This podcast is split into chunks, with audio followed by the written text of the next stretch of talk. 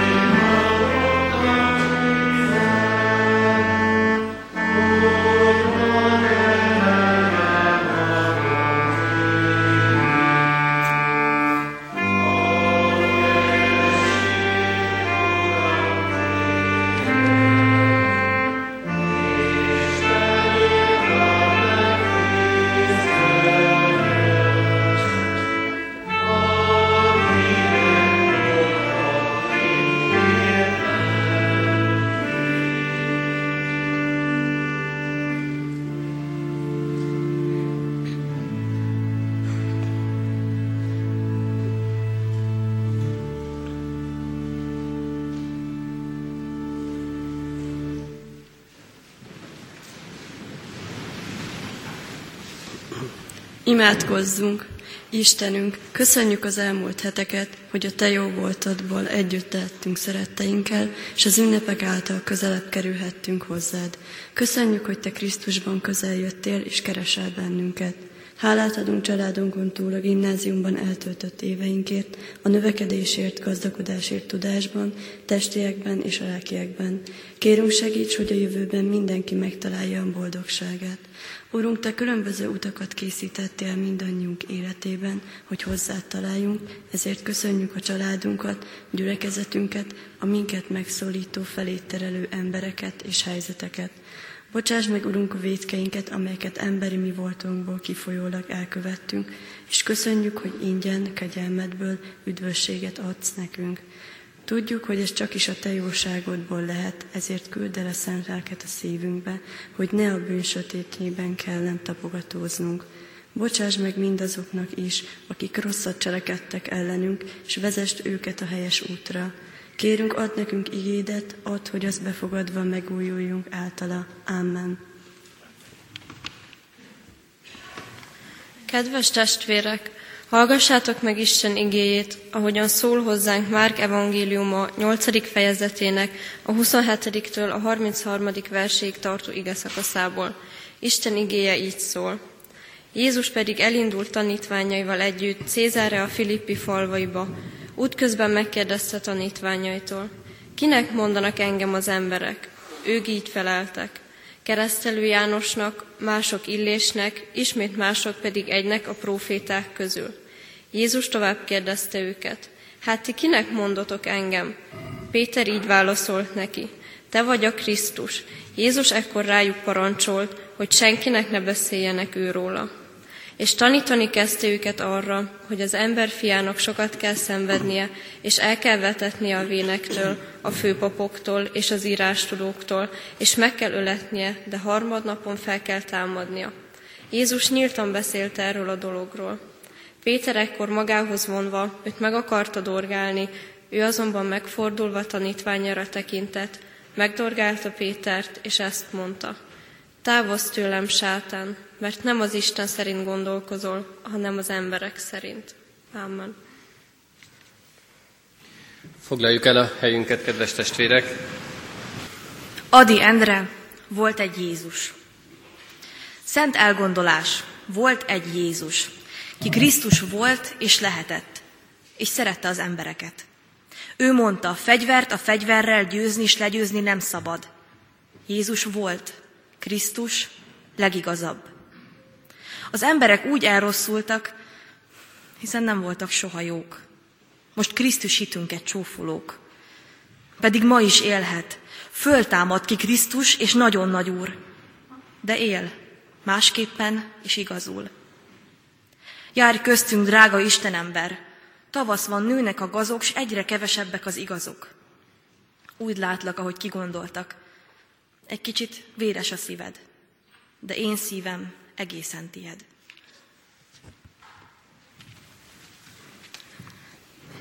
Mit várunk Istentől? Sokféle dolgot fel tudunk sorolni. Várjuk, sőt elvárjuk, hogy elérjük a céljainkat. Elvárjuk, hogy segítsen, adjon erőt. Legyen igazságos. Várjuk tőle az egészséget akkor is, ha esetleg mi nem sokat teszünk érte. Szeretnénk minden helyzetben látni azt, ami örömöt ad. Várjuk, hogy vigyázzon ránk, szeretteinkre, főleg ha mi mulasztunk, vagy ha ők hibáznak. Várjuk, hogy mutassa meg, mit is vár tőlünk, és mutassa meg, hogy létezik. És várjuk, hogy megbocsásson. De mit vár ő, és mit akar adni? Lehet, hogy az elvárásaim miatt nem is hallom meg, hogy mit akar mondani önmagáról? Kedves testvérek, érdekes dolgokat hallottunk itt a diákoktól, amiket felolvastak. Mégis egy picit máshonnan kezdeném. Biztosan sokan emlékszünk arra, akik az elmúlt rendszerben jártunk iskolába, hogy annak idején, amikor történelmi évszámokat kellett megtanulnunk, akkor mindig, főleg az ókori, illetve középkori történelemben mindig oda kellett tenni, hogy most ez az időszámításunk előtt volt, vagy az időszámításunk után. Ugye jelöltük ezzel az IE és IU betűkkel egy-egy évszámot, és innen tudtuk meg, hogy mikor történt az az adott esemény. Én sokkal jobban szerettem már akkor is, de a mai időszakban pedig már ezt a megnevezést egyáltalán nem használom, és sokkal jobban szeretem azt, amikor azt mondjuk, hogy Krisztus előtt és Krisztus után. Valahogy jobban megmutatja azt, hogy mihez igazodunk. Jobban ad egy pontot, ami az életünkben egy biztos pont. Mert az, hogy időszámításunk előtt és időszámításunk után, hát mihez képest számítjuk az időt. De ha azt mondjuk, hogy Krisztus előtt és Krisztus után, akkor van egy igazodási pont az életünkben. A rendszerváltás környékén mondta valaki ezzel a időszámítás előtt, Krisztus előtti dologgal kapcsolatban, így fogalmazta meg, Jézus nyilvánvalóan fontos személy volt, hisz a születésével indul az időszámítás. És azt mondhatjuk erre, kedves testvérek, hogy ez nagyon szép és nagyon igaz. De valami még sincs rendben ezzel a mondattal. És ha jól végig gondoljuk, és egy kicsit elmélkedünk ezen a dolgon, akkor azt válaszolhatjuk, és azt mondhatjuk, helyesen kiavítva ezt a mondatot, hogy Jézus nem azért jelentős, mert a születésével kezdődik az időszámítás, hanem azért számoljuk tőle az éveket, mert ő egy jelentős személyiség. Azért számoljuk tőle az éveket, mert ő egy jelentős személyiség. És így már mégis másabb. És ha végig gondoljuk mindezt, akkor azt mondhatjuk, hogy igen, ez már jó, itt már egy kicsit jobban kibékülhetünk ezzel a megfogalmazással, de mégis. Mégis van valami hiányérzetünk. Mégis azt mondhatjuk, hogy valami itt zavaró dolog. Még mindig nincs rendben valami itt sem. Még mindig lehetne róla sok minden mást is mondani. És mondunk is. Mondunk olyan kijelentéseket, amikor azt gondoljuk, hogy most mi megtaláltuk, hogy kicsoda Jézus. Mi most meg tudtuk válaszolni azt, hogy ki ő. Mi ezzel a kijelentésünkkel most már majd úgy mondhatnánk, a fiatalok úgy mondanák, hogy tutira megyünk. És kedves testvérek, mindegy, hogy ki mondja mindezt, mindegy, hogy több diplomával rendelkező ember, okos, tudós, egyszerű, mindegy, hogy hívő vagy hitetlen, Jézust, amikor meg akarjuk határozni, hogy kicsoda ő, akkor mindig valami zavar keletkezik, mindig valami hiányérzetünk támad. Az emberek nagyon sokféleképpen próbálták megfogalmazni az ő lényegét, mondták róla azt, hogy ő volt egy nagy gondolkodó, mondták azt, hogy erkölcstanító volt, vagy egy nagy hatású prédikátor, esetleg gyógyító, vagy talán sokan hallottuk ezt, ami számomra elég furcsa kifejezés, hogy ő vallás alapító volt. És biztosan rámondanánk sokan, hogy ez mind igaz, és igaz is, de ő ettől még sokkal több volt. Itt még nem állhatunk meg. Ha azt akarjuk megnézni, hogy kicsoda ő, akkor itt nem állhatunk meg. És kedves testvérek, ebben az ige szakaszban Péter nagyon szépen megfogalmazza egyetlen kis rövid mondatban, hogy kicsoda Jézus. És azt mondja róla, hogy te vagy a Krisztus. Nem Jézus, hanem Krisztus. Péter így fogalmaz, és ne, egyáltalán nem mellékes ez a megfogalmazás. Egyáltalán nem mindegy, hogy hogyan mondjuk ezt. Elnézést kérek mindenkitől, aki számára mindez furcsa lesz, amit mondok, de azt mondhatjuk, hogy Jézus név az már-már egy embernek a hétköznapi neve. Olyan emberé, aki 2000 évvel élt közöttünk, ezelőtt élt közöttünk, olyan emberé, aki rendkívüli volt, aki nagy hatással volt az akkori emberekre, nagy hatással van ma is, de mégis egy név marad. A Jézus név az mai napig is nagyon népszerű, főleg a latin népek körében. Nagyon sokat, sok embert hívnak így, még mai napig is. Egy történet jutott ezzel kapcsolatban eszembe, amikor magyar vízilabda válogatott talán a Sydney olimpián az amerikai Egyesült Államokkal vívta a döntőt, akkor mesélte az egyik népszerű ismert ember, hogy felhívta őt egy ismerős, és azt mondta, hogy képzeld el, az amerikaiak kapusát úgy hívják, hogy Mózes.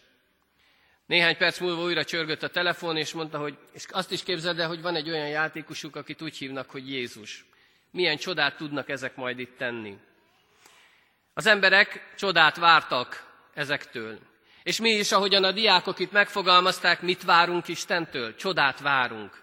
Nagyon sokszor azt gondoljuk és úgy képzeljük el, hogy olyan ő, mint egy automata. Bedobjuk a kérésünket, és ő megadja rá a választ. Megadja mindazt, amit mi kérünk tőle.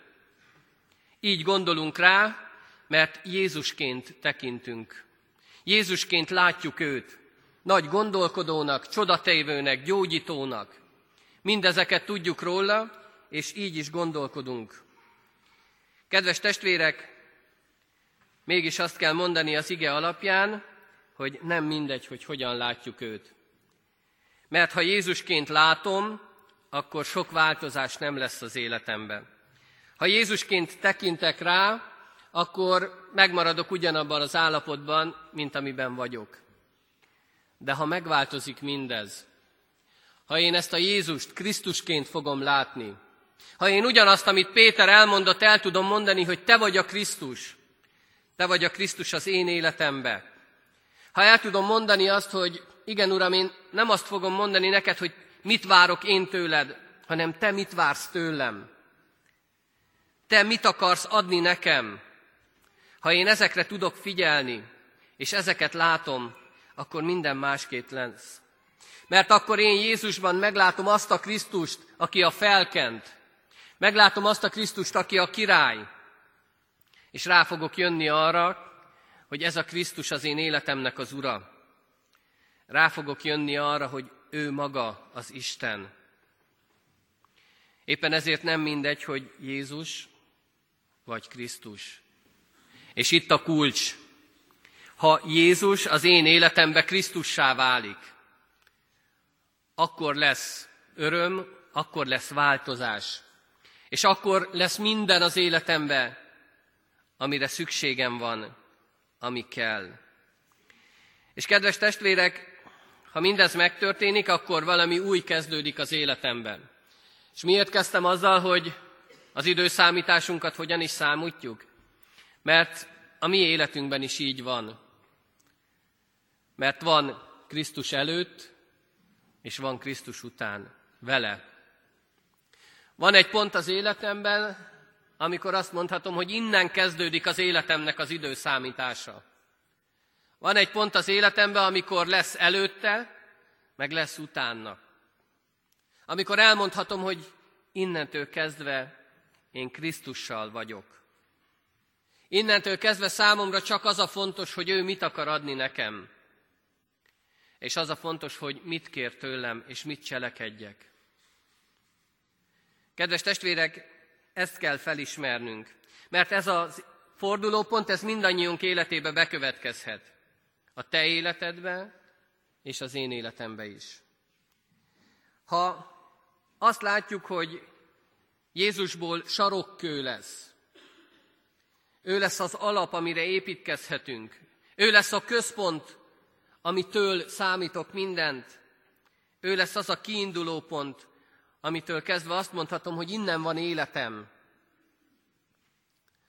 Ha Krisztus lesz ő az életembe, akkor tudok mindent megváltoztatni, és akkor változik meg minden bennem és körülöttem.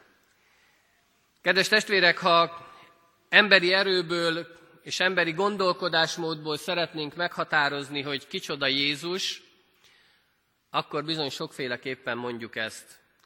Sok mindent mondhatunk, és bizonyára, mindannyian, akik most itt vagyunk, mindannyian tudnánk mondani valamit, hogy kicsoda Jézus. Mindannyian tudnánk sorolni a dolgokat, hogy számomra mit jelent ő. Mindannyian el tudnánk mondani, hogy mi is az a dolog, amit kérnénk tőle. De vajon meg tudnánk-e mondani, hogy ő mit vár? Ő mit akar adni nekem? Hogyan látjuk mi őt? Jézusként, akiről elmondjuk a gondolatainkat, véleményünket, vagy Krisztusként, aki az életemnek az ura. Péter itt nagyon szépen és nagyon jól tudta megfogalmazni ebben a rövidke kis mondatban, hogy kicsoda Jézus. És ezzel számunkra is példát adott, hogy nekünk ki kell, hogy legyen.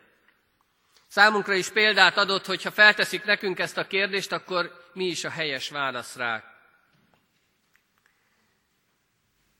Ha, ahogy Jan Péter meg tudta ezt tenni, és így boldogabb, örömtelibb lett az élete, ha mi is meg tudjuk tenni, akkor ugyanígy járhatunk, ugyanígy lehet az életünkben is boldogság, öröm, békesség.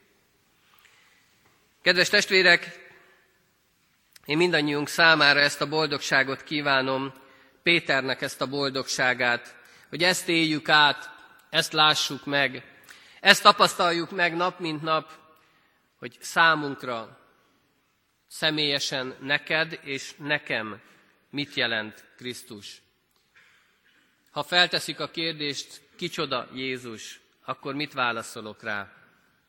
Mi az, amit el tudok mondani róla én a saját életemben?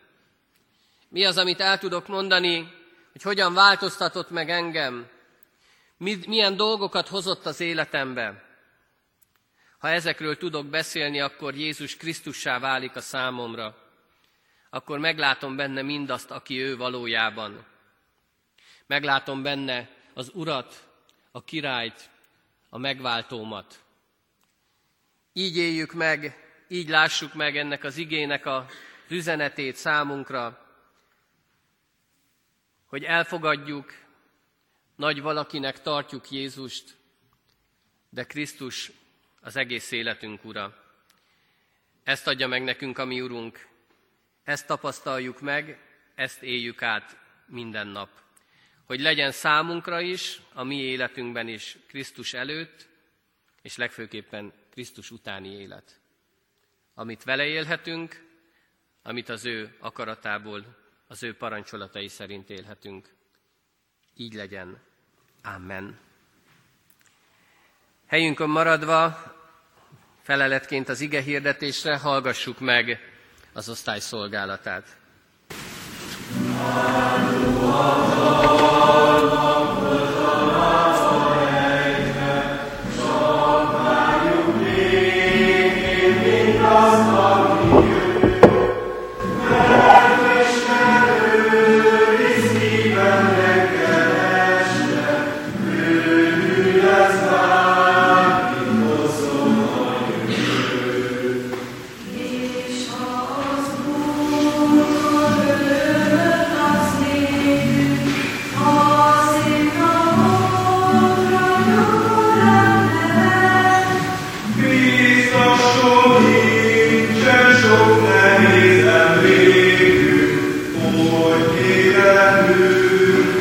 Helyünkön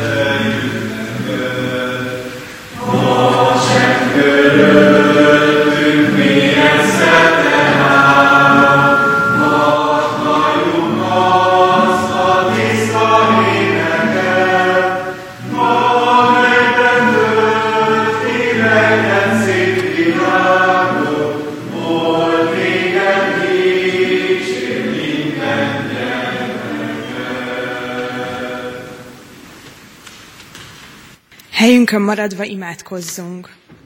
Urunk, köszönjük néked igédet. Hajlamosak vagyunk arra, hogy mások elmondása alapján akarunk megérteni téged, holott téged egyedül úgy ismerhetünk meg, ha kijelented magad nekünk. Köszönjük azokat, akik rólad beszélnek és hozzád vezetnek minket. Add, hogy igazán és személyesen megismerhessünk téged, és segíts meg bennünket, hogy ne higgyünk a hamis tanításoknak.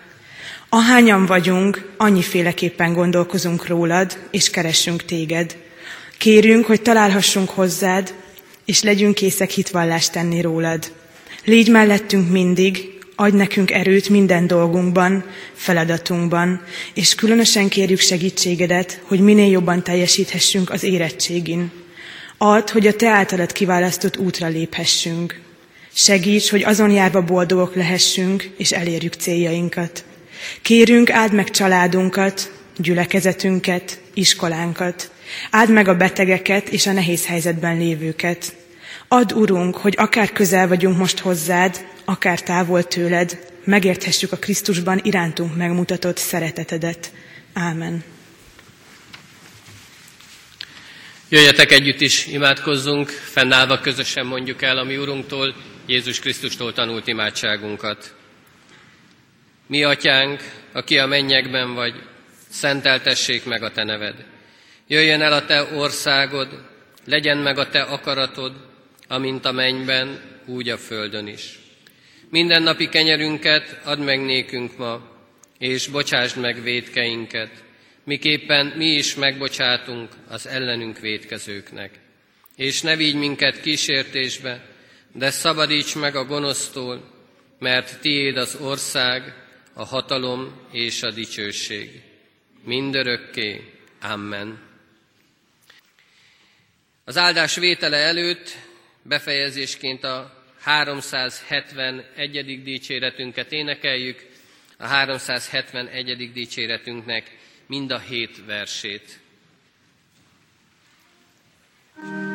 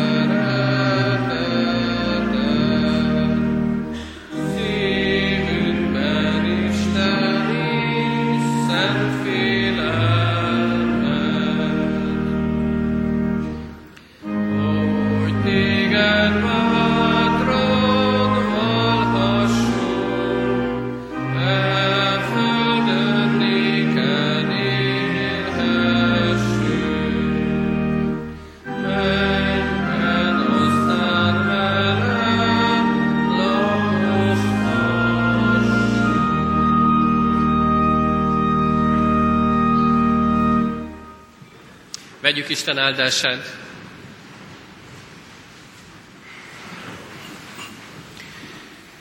Istennek népe, áldjon meg téged az Úr, és őrizzen meg téged.